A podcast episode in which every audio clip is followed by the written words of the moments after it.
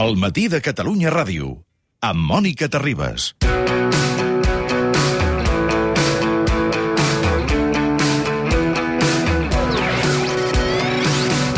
Xavier Sala i Martín, molt bon dia. Hola, molt bon dia. Són tantes les coses que, que no sé ni per on començar. A veure, uh, Xavier Sala i Martín, les mesures del Banc Central Europeu d'aquesta matinada. Sembla que Christine Lagarde ha reaccionat, uh, no sé si més val tard que mai, que diuen, però l'altre dia ho comentàvem amb tu i, i sembla que el Banc Central Europeu, si no és qui està al darrere de totes les mesures que prenen els estats, això no pot, això no pot tirar, no? Exactament. Uh, jo, a veure, abans de començar, uh, ja, uh, algun dia, uh, quan s'acabi tot això, ens haurem de preguntar uh, si això de la Unió Europea serveix d'alguna cosa, perquè en els moments claus, després de pagar tants salaris a tants funcionaris i tants buròcrates, en els moments claus han estat desapareguts uh -huh. i no sabem ben bé per què ens ha servit això de la Unió Europea. Sí, sí. Dit això, uh, estem en un moment, com una, una economia, el que, el que els economistes uh, anomenem economia de guerra, és a dir, la, la, la, una economia on les regles normals no serveixen perquè no deixem a la gent eh, que lliurement vagi a treballar, les empreses lliurement puguin vendre el que, el que, el que volen. I per tant eh, la intervenció de l'Estat eh, és molt important per ajudar la gent que es quedarà sense diners tant perquè no pot treballar com perquè no pot obrir la botiga, el restaurant o el que sigui. Eh, es requerirà que s'ajudi a la gent i a les empreses que, que per, per, per poder pagar les hipoteques, per poder pagar la, la factura de l'electricitat, per poder pagar els impostos, s'haurien de perdonar impostos en aquestes èpoques, s'hauria de posposar el pagament d'hipoteques, tot això que en situació normal diem, escolta'm, tu eh, vés a treballar, guanya't la vida i paga la hipoteca i paga els impostos, doncs això, com que no deixem a la gent anar a treballar, doncs mm -hmm. no es podrà fer. Llavors la pregunta és qui ho paga tot això?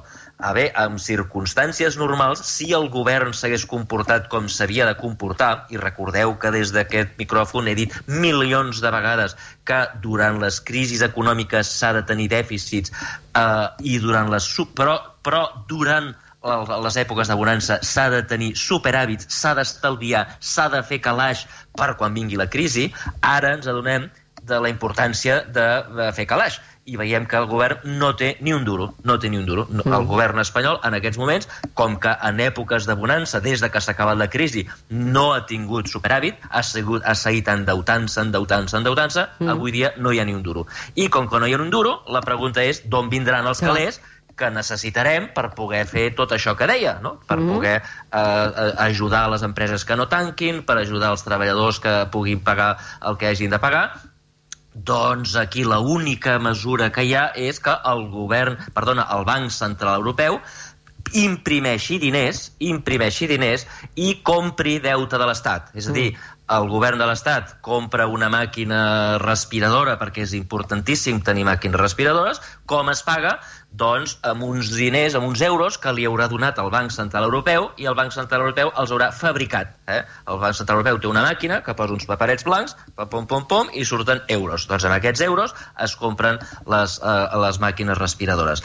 Uh, i, I per això és important que, uh, encara que ja portem uh, gairebé un mes de crisi a Europa, si, si contem per on va començar per Itàlia, doncs és important que el Banc Central Europeu finalment hagi reaccionat i hagi dit sí, eh, posarem calés a disposició dels governs perquè puguin finançar tot això. A mi m'ha estat molt, molt útil eh, llegir, si aneu a salaimartin.com, Random Thoughts, un article eh, que ha publicat, que has escrit, que a mi em sembla eh, molt útil, que són mesures econòmiques per l'epidèmia del coronavirus mentre hi hagi virus i després del virus, no? I, i jo crec que això és útil perquè hi han coses, mesures eh, pràctiques que, que tu dius que s'haurien d'aplicar. No només que ningú li tanquin l'aigua, la llum i el gas, no? que és el que el govern espanyol ja ha dit, sinó, home, si li estem dient a la gent que ha de desinfectar-se, doncs eh, intentar eh, que la factura de, de l'aigua surti més barata. Per exemple, no? deies, Exacte.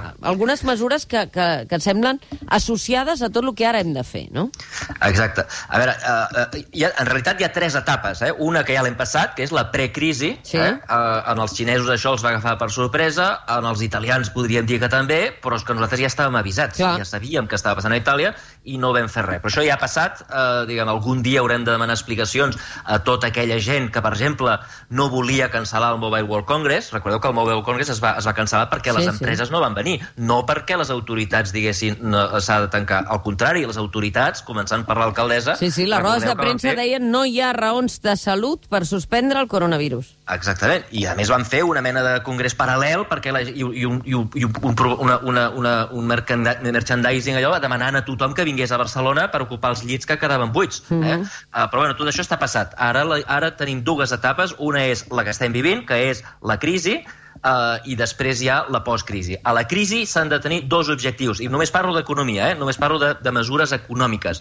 Uh, òbviament, uh, la prioritat número 1 és que s'acabi l'epidèmia. Uh, I per això que, uh, des del punt de vista econòmic, es pot ajudar a acabar l'epidèmia. Els doctors, el doctor Mitjà, ens està dient tot el dia quedeu-vos a casa, quedeu-vos a casa, doncs eh, s'ha d'incentivar econòmicament que la gent vagi a casa. Eh, es pot incentivar, com deies tu, eh, subsidiant o, o, o, o eliminant o posposant les factures de, de la llum, de l'electricitat, eh, fins i tot de la televisió, no? perquè la gent es quedi a casa i no hagi, no hagi d'anar fora. Fins i tot jo proposaria eh, subsidiar el transport de mercaderies, diguem, que la gent et porti coses a casa perquè la gent no hagi d'anar a comprar Sí. a les botigues i s'ajuntin tots al Capravo. Eh, és a dir, tot de mesures O al bon preu. incentivin- Eh? No faig broma, dic que o al bon preu, perquè ningú digui que estem fent publicitat de... Ah, bueno, sí, sí, vull dir, al supermercat. Al no supermercat, la sí, sí. I que, que ho posin. I jo, jo veig, sen- sento gent que està criticant, escolta, més que Amazon està fent l'estiu, eh, collons, és bo que Amazon, eh, que Amazon i que qualsevol, i que les, les, els No, supermercats... no, i que els supermercats de proximitat et pugin les coses a casa, si poden fer-ho, no? Exacte, tothom que pugui a coses a casa. Sí, i, I tot això són mesures econòmiques, són incentius econòmics, fiscals, es poden donar subsidis, es pot dir, escolta'm, les empreses de, eh, de transport doncs, eh, eh, durant dos mesos no pagaran impostos, no pagaran l'IVA, no pagaran res, escolta'm, eh, per incentivar-los a fer.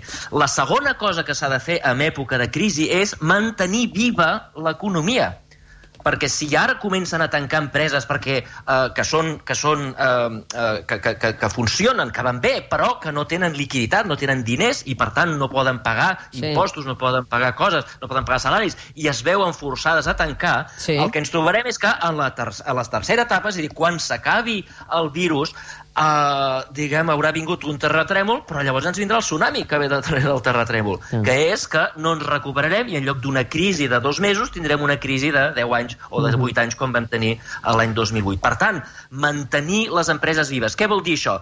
Empreses i treballadors i, i, i, i autònoms i tot, eh? Què vol dir? Doncs, escolta'm, perdonar o, o, o posposar tot tipus de pagament d'impostos. Ara mateix el govern, els governs, eh, en la mesura, en, diguem, en els impostos que ells controlen, haurien de dir al mes de març i al mes d'abril no, ningú paga impostos, ni IBIS, ni impost sobre la renda, ni, ni avançaments de, de, de, de, de d'IVAs, Sí, és sí. sí. més, tots els IVAs que s'han avançat es retornen, etc etc etc. Mantenir, no, que el que no podem fer és que empreses que són solvents passin a tancar simplement perquè no tenen liquiditat. El govern ha de garantir la liquiditat.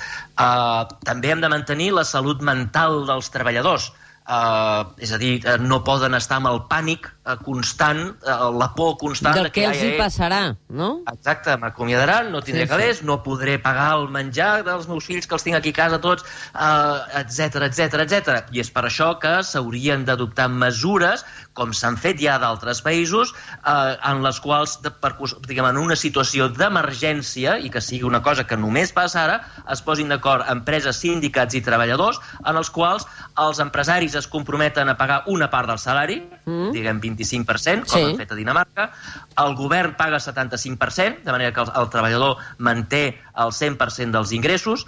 A, a, a, a canvi d'això, el treballador, el tra els treballadors es comprometen a donar o, o a renunciar a 5 dies de vacances, per exemple, o 7 dies de vacances, i els empresaris es comprometen a no acomiadar a ningú. Això és el Vale. cas de Dinamarca. Això és una cosa que s'ha fet a Dinamarca. Els números aquests que acabo de donar són exactament els de Dinamarca. Podrien haver altres números, 30%, 60%, però la idea és que aquí tothom sacrifica una miqueta. L'empresari paga salaris encara que no té treballadors, el govern paga, es fa càrrec de la, del, del, del tros que s'haurà de fer càrrec igualment si l'empresari fa un ERTE perquè, perquè haurà de pagar el 75% uh -huh. i, els, eh, i els treballadors sacrifiquen una mica de vacances a canvi de que es mantenen llocs de treball i això què fa? Doncs que el dia que s'acabi la crisi, el dia que els doctors ens diguin senyors, ja podeu sortir de casa, totes les empreses estan funcionant i, per tant, tothom torna a la situació que estàvem fa 15 dies. Uh -huh. eh? Tornen a obrir els restaurants, tornen a obrir les botigues, tornen a obrir les empreses i tot segueix funcionant. Si quan tot s'acaba hi ha la meitat del país que no té feina, les empreses no han pogut sobreviure, aleshores això no podrà passar.